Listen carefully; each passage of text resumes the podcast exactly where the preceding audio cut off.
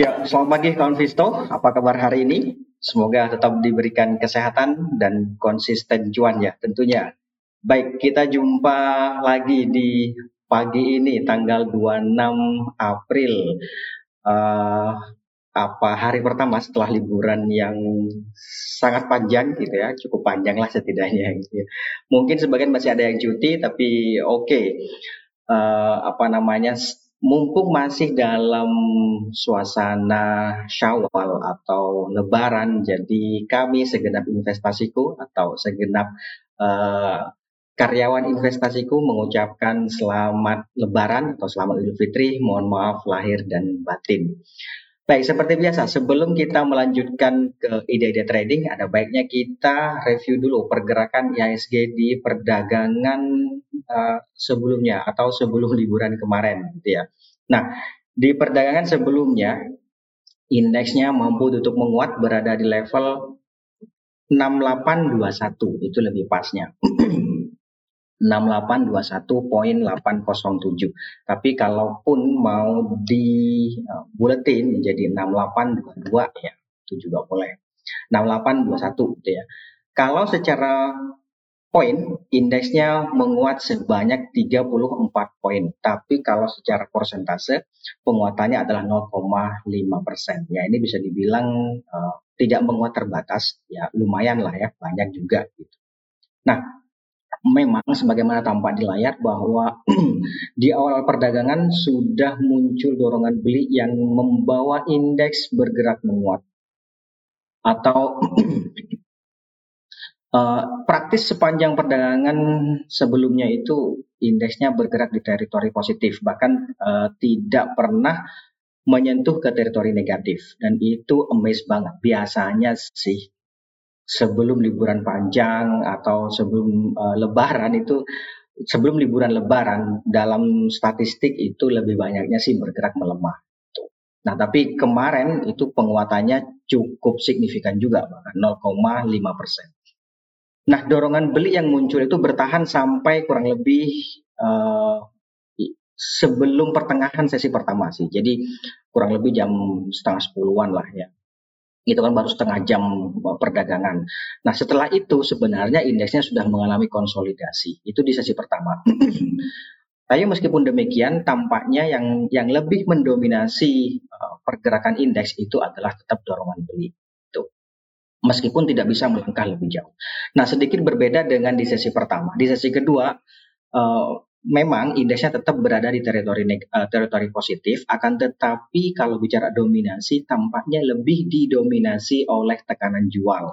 Artinya di sesi kedua ini uh, indeksnya kemarin atau di perdagangan sebelumnya kalau dibilang kecenderungan maka bergerak cenderung melemah gitu ya atau ya melemah terbatas lah meskipun tidak tidak sempat bergerak di teritori uh, negatif ya. Nah, secara keseluruhan ya karena memang masih bergerak teritori, di teritori uh, positif dan kemudian di awal perdagangan indeksnya dibuka menguat ya bisa dibilang secara, secara keseluruhan indeksnya cenderung bergerak kuat ya. Nah, bagaimana dan hari ini tampaknya ada cukup uh, banyak hal yang yang terjadi selama kita liburan coba nanti kita lihat di di di outlooknya Oke, nah dari penguatan yang terjadi di indeks tersebut, saham-saham apa saja sih di perdan kemarin yang uh, apa membawa indeks bergerak menguat? Lima besar saham yang membawa indeks bergerak menguat di perdan kemarin. Yang pertama ada, sebentar saya dulu. Yang pertama ada Astra Internasional. Oh, sorry, bentar ya. Nah, ini dia. Ya, lima besar saham yang membawa indeks bergerak menguat di peran kemarin. Yang pertama ada Astra International atau ASII, kemudian disusul oleh BCA, lalu ada Bian, ada Goto, dan terakhir ada Bank Mandiri. Itu dia lima besar saham yang membawa indeks bergerak menguat. Sebaliknya, lima besar saham yang mencoba untuk menghambat laju penguatan indeks di peran kemarin ada apa saja? Ya, yang pertama ada BRI mencoba untuk menghambat uh, laju penguatan indeks BRI di pekan kemarin ditutupnya minus 0,8 persen. Kemudian disusul oleh BR, uh, sorry, MDKA atau Merdeka Copper Gold, kemudian ada Caron Kopven, lalu ada BRMS, dan terakhir ada BRPT. Itu dia lima besar saham yang mencoba untuk menghambat laju uh, penguatan indeks. Nah, kemudian bagaimana dengan transaksi asing? nah, asing sendiri di pekan kemarin secara keseluruhan itu mencatatkan net buy yaitu sebanyak 1,38 triliun. Ini banyak banget. 1,38 triliun ini banyak banget. Kalau coba kita rinci, di, kalau coba kita rinci, di perdagangan reguler sendiri asingnya mencatatkan net buy sebanyak 1,32 triliun ya kan satu tiga satu koma tiga puluh ini banyak banget sih nanti apa saja sih yang dibeli oleh asing itu sebanyak 1,32 triliun itu kan coba kita lihat. Kemudian di pasar non regulernya asingnya juga mencatatkan net buy yaitu sebanyak 57 bio. Makanya secara keseluruhan menjadi 1,38 triliun. Memang sih 57 eh, bio di perdagangan non reguler itu tipis banget. Nah, dari net buy asing yang terjadi di pasar reguler tersebut yaitu di saat yang sebanyak 1,32 triliun itu itu saham-saham apa saja sih di perdan kemarin yang banyak dibeli oleh uh, asing? Lima besar saham yang paling banyak dibeli oleh asing di perdagangan sebelumnya itu ada pertama ada BCA, BCA net buy-nya sebanyak 309 390 billion lah ya. Kemudian disusul oleh Astra Internasional, lalu ada Telkom, ada Adaro, dan terakhir ada Bank Mandiri. Itu dia lima besar saham yang paling banyak dibeli oleh asing. Sampai dengan lima besar saja itu masih di atas 100 uh, eh, bio. Termasuk juga di nomor enamnya itu ada BNI itu juga masih 100 bio. Ini sama kurang lebih 108 bio, cuman belakangan yang beda. Nah, selain dari kelima besar yang paling banyak dibeli oleh asing ini, ya, selain dari BCA, Astra, Telkom, ada kemudian Mandiri, ada juga tadi saya sebutkan ada BNI, kemudian ada juga BRI. Jadi eh, empat besar perbankan itu semuanya eh, net buy asing atau paling banyak dibeli oleh asing. Meskipun BNI sendiri dan BRI sendiri itu masuk ke 10 besar, tidak masuk ke lima besar. Selain itu juga ada ITMG, United Tractors, kayak gitu. Oke, itu dia lima besar saham yang paling banyak dibeli oleh eh, asing. Sebaliknya, lima besar saham yang paling banyak dijual oleh asing. Ada apa saja? ya, yang pertama ada MBMA.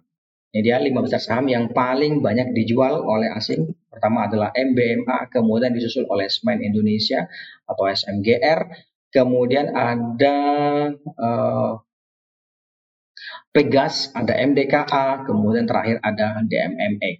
Itu dia lima besar uh, saham yang paling banyak dijual oleh asing dan net sale-nya pun sebenarnya sedikit dibandingkan dengan net buy tadi yang BCA 390 bio. Ini kan paling tinggi MBMA itu sendiri cuma 80 bio. Gitu ya. Jadi sangat jauh banget. Nah, selain dari kelima saham ini yang paling banyak dijual oleh asing, yang ada juga termasuk ada ESA, kemudian ada Cepin. ESA masih mengalami tekanan namanya. Coba nanti kita lihat bagaimana. Kemudian ada Cepin, ada Arto, itu juga uh, termasuk salah satu yang paling banyak dijual oleh asing, cuman masuknya ke uh, apa 10 besar ya. Cek termasuk juga gudang garam itu juga masuk ke 10 besar yang paling banyak dijual. Oke, itu dia untuk transaksi asing. Bagaimana dengan outlook hari ini? Nah, sekarang kita ke sini kawan. Sebentar. Kita ke sini, ya. Nah, tadi sudah saya sampaikan bahwa ada ada cukup banyak sentimen yang mewarnai pergerakan yang yang akan mewarnai pergerakan indeks um, bisa hari ini atau secara gambaran besar ya di pekan inilah setidaknya. Apa saja? Melihat pergerakan indeks di perdan kemarin dia kan ditutup ya kan sebenarnya kan masih melanjutkan konsolidasi. Jadi tampaknya juga bisa dibilang ya wait and see, wait and see terhadap apa? Kebijakan global atau informasi global karena memang ya wajar saja kita akan liburan lama gitu kan ya gimana kondisi global. Nah, melihat tentu uh, uh, kawan Pisto juga sudah pada tahu semua bahwa di indeks global uh, bursanya ancur-ancuran, benar kan? Terlebih semalam kan itu uh, minusnya ada satu persen lebih di atas satu persen semuanya. Nah dari bursa global tersebut utamanya AS ya kita saya bicara bursa Dow Jones. Nah ada beberapa hal yang mesti di apa diperhatikan karena minusnya di bursa global itu masih sebenarnya sih masih sama masih informasinya masih seputar itu saja. Yang pertama adalah kekhawatiran terhadap krisis perbankan yang akan nambah lagi itu nambah satu lagi ya first first first saya lupa sih lebih tepatnya.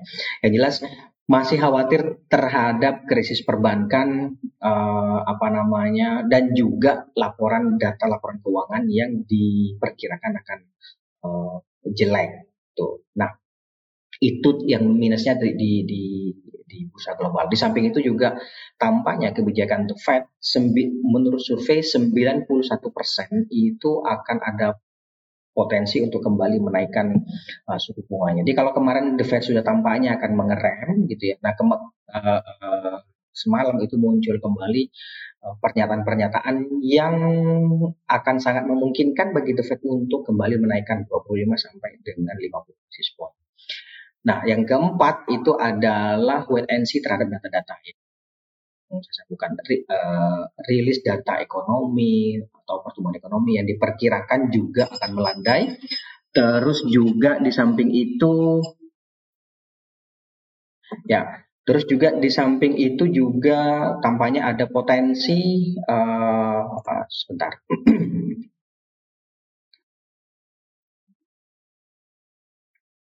ya.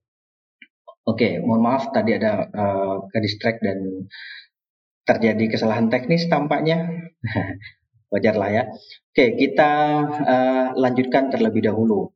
Nah, uh, apa namanya data-data data-data ekonomi dari bursa global, kemudian juga ada diperkirakan melandai, uh, melandai, kemudian klaim pengangguran diperkirakan juga meningkat, lalu kemudian ada FOMC, FOMC meeting atau the Fed uh, di, di, di, di, di pekan depan ya. Uh, itu semua data yang banyak ditunggu oleh uh, apa namanya investor. Nah, diperkirakan tadi seperti saya sampaikan bahwa the Fed-nya akan apa kembali akan menaikkan suku bunga. Nah, satu-satunya yang cukup menarik dari informasi global adalah data laporan keuangan Microsoft yang kemarin diumumkannya setelah bursa uh, tutup. Jadi Microsoft tampaknya data, laporan keuangannya cukup baik, artinya melebihi dari ekspektasi. Dan dengan demikian Dow Jones Futures-nya kalau uh, teman-teman atau kalau kalian Visto coba lihat nanti uh, futures-nya atau Dow Futures itu sudah mulai menguat ya, karena adanya laporan keuangan dari Dow dari Microsoft itu. Mudah-mudahan sih itu akan membawa uh, angin segar bagi bursa kita. Setidaknya tidak mengikuti jejak dari uh, bursa global. Itu ya, itu dari dalam itu dari luar negeri. Kalau kalau dari dalam negeri ya uh, informasinya banyak banget. Makanya di liburan ini, liburan kemarin itu banyak sekali informasi yang keluar dan ya ada positif, ada negatif kayak gitu. Kalau dari dalam negeri tentu terkait politik. Uh, apa namanya dampak pencalonan dari salah satu kandidat yang diumumkan kemarin ya setelah bursa kita tutup. Uh, sebagaimana sebelumnya, sebagaimana tahun 2004 kemarin ada efek-efek tertentu dari pengumuman calon uh, presiden yang kemarin diumumkan, gitu ya. Nah itu uh, uh, apa namanya dari dalam negerinya. Kemudian selain itu juga uh, Diperkirakan konsumsi ini kan akan meningkat. Biasanya sih memang Lebaran itu adalah puncak dari konsumsi uh, masyarakat. Jadi dengan demikian diharapkan data ekonomi di kuartal ini, setidaknya di, ya di kuartal pertama, dua, kuartal kedua itu uh, membaik. Gitu. Nah, oleh karena itu uh, cukup menarik sih kalau dari dalam negerinya. Masalahnya adalah dari luar negerinya tadi. Uh, cuman dari luar negeri kan di akhir tadi seperti saya sampaikan laporan keuangan Microsoft ternyata cukup baik. Mudah-mudahan itu juga bisa berdampak ke uh, apa namanya bursa kita nantinya. Nah, bagaimana dengan hari ini? Diperkirakan sih hari ini akan kembali mengalami konsolidasi, tapi kecenderungannya saya memperkirakannya sih ada potensi ya fluktuatif sih memang, tapi kalau bicara kecenderungan ada potensi untuk uh, apa namanya melemah terbatas. Tapi bukan berarti terus kemudian dia bergerak di teritori negatif, tidak. Bisa saja dia bergerak di teritori positif. Jadi awalnya dibuka muat terlebih dahulu, tapi kemudian mengalami tekanan jual, gitu ya, atau uh, lebih didominasi oleh tekanan jual, itu bisa jadi. Ring pergerakan ya relatif tidak berubah banyak sih, karena memang kemarin kan intinya masih melakukan konsolidasi yaitu diperkirakan antara 6765 sampai dengan 68 di level-level itu. Itu ya. Oke. Kemudian sekarang kita ke uh, ide trading. Nah, ide trading yang pertama, sebentar saya lihat dulu.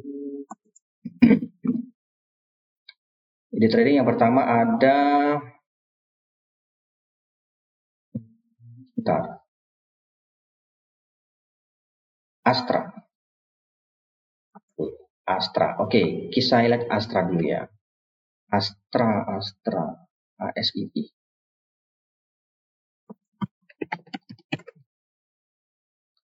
ASII, ini dia ASII. Ya, kalau melihat pergerakan ini, ini cukup baik sih, apalagi untuk short to medium. Jadi kalau untuk short term, ya ini ini ini, ini saya short to medium dulu ya. Kalau short to medium maka kan targetnya di sini sih paling tidak tidak 6 berapa 700 sampai dengan 6800 lah gitu ya. Jadi kalau untuk short to medium ini boleh saja trading buy. Tapi kalau untuk uh, uh, apa namanya short term ada dua skenario. Kemarin kan karena mengalami tekanan jual di akhir-akhir sesi, ya bisa saja sih buy on. Cuman buy on breakout juga boleh, atau trading buy juga boleh. Lebih pasnya sih buy on weakness memang, untuk satu medium. Untuk jangka pendek gitu ya.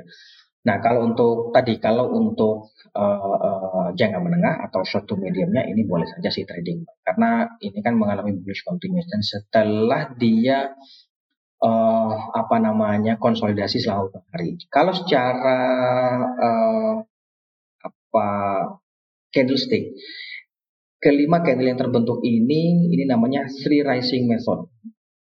Bentuk dari pola continuation. Maka ada peluang masih untuk berlanjut. Ya. Nah ini targetnya di 6600 sih paling dekat. Yang jelas resistance level terdekat dibandingkan dengan closing kemarin. Dengan closing kemarin itu ada di sini nih kawan ada di 6475 kemudian 6600 lalu 600 ya jadi ini boleh saja si trading buy atau uh, buy on bagi yang mau jaga pendek kalau misalnya nih ternyata dibukanya melemah terlebih dahulu lalu kemudian dia bergerak menguat sampai di atas 6425 oh, saya sih nggak ada salahnya ikutan trading buy Oke, itu untuk ASII. Kemudian kita lanjut dulu. Ada Adaro, Adaro. Oke, ini dia ada row. Nah, ada row cukup menarik juga sih kalau melihat dari ini. Ini, ini, ini ya. Saya gedein dulu sedikit. Mudah-mudahan kelihatan. Nah, kalau melihat dari sini, ada ini kemarin dia mampu untuk menguat white opening Marubozu terbentuk memang kalau terjadi long white candle ini kan long white candle nih ya kan itu memang ada potensi untuk mengalami push sebentar. Jadi oleh karena itu ini bisa saja dipertimbangkan untuk speculative buy atau ya weakness di, di, di berapa mobile weakness nih di 2950 ya 2950 boleh sih saya pikir 2950 2950 sampai 3000 di level-level itu menurut saya sih oke okay aja. Nanti target take profitnya ya 3000 kalau dapat harga 2950 saya 3050 sudah bisa dipertimbangkan di atasnya ya 3100 lah. Yang jelas resistance level terdekatnya dibandingkan dengan closing kemarin, closing sebelumnya itu di 3050 kemudian di atasnya 3100. Melihat bullish crossover yang terjadi di stokastik menurut saya sih masih ada peluang untuk bergerak. Stop lossnya nanti kalau ternyata harganya di bawah 2920 di bawah ini boleh sih. Atau ya sekalian di bawah di bawah berapa nih? Di bawah 2870 di bawah uh, terendah kemarin. Terendah sehari sebelumnya. Tapi di bawah 2920, 2900 gitu misalnya. Boleh sih dipertimbangkan untuk amankan modal terlebih dahulu. Nanti di 2870 kalau kuat di situ ya beli lagi, masuk lagi. Itu. Oke, itu untuk Adaro kawan. Kemudian MBMA, us MBMA. Ya, MBMA ini kan masih beberapa hari ya ininya apa namanya uh, belum kelihatan jadinya ya. Baru kemarin ya apa namanya uh, listingnya. Ya, oke, okay. Oh, iya. oke pokoknya masih barulah gitu ya.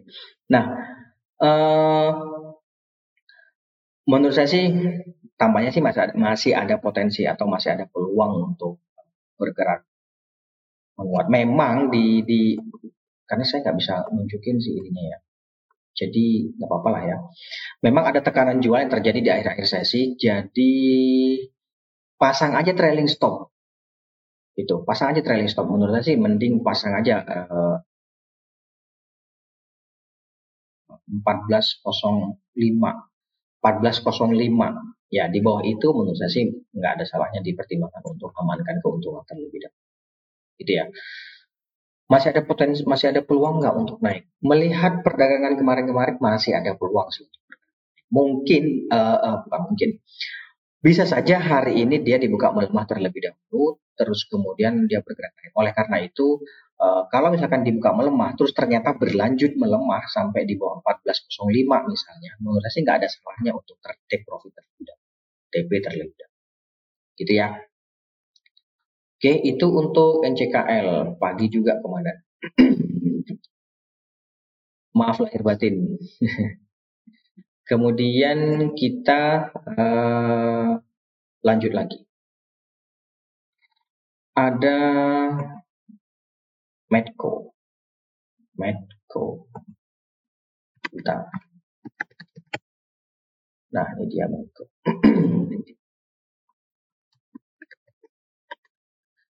ya, Medco di pedang kemarin ya. Medco di pedang kemarin dia mampu ditutup menguat uh, tiga poin cukup menarik. Ini bisa saja dipertimbangkan untuk spekulatif buy, boleh di 10.40 sampai 10.55 menurut saya uh, boleh di level ke itu. Kemudian nanti TP-nya kalau dapat harga di 10.40, 10.90 menurut saya sudah bisa sih dipertimbangkan untuk TP. Atau di atasnya ya di yang garis hijau nih kawan. Ini 11.10 ya cukup ideal lah setidaknya. Yang jelas resistance level terdekat dengan closing kemarin itu pertama ada di 10.90. Kemudian di atasnya ada 11.10. Lalu di atasnya sendiri, eh, di atasnya lagi ini ada nih ya 11.35 kemudian 11.60. Ya di level-level itu main-main di level-level itu menurut saya sih uh, oke okay juga sih.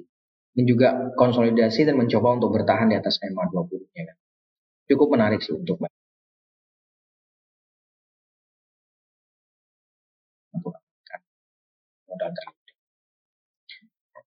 Oke, terakhir ada uh, ESA.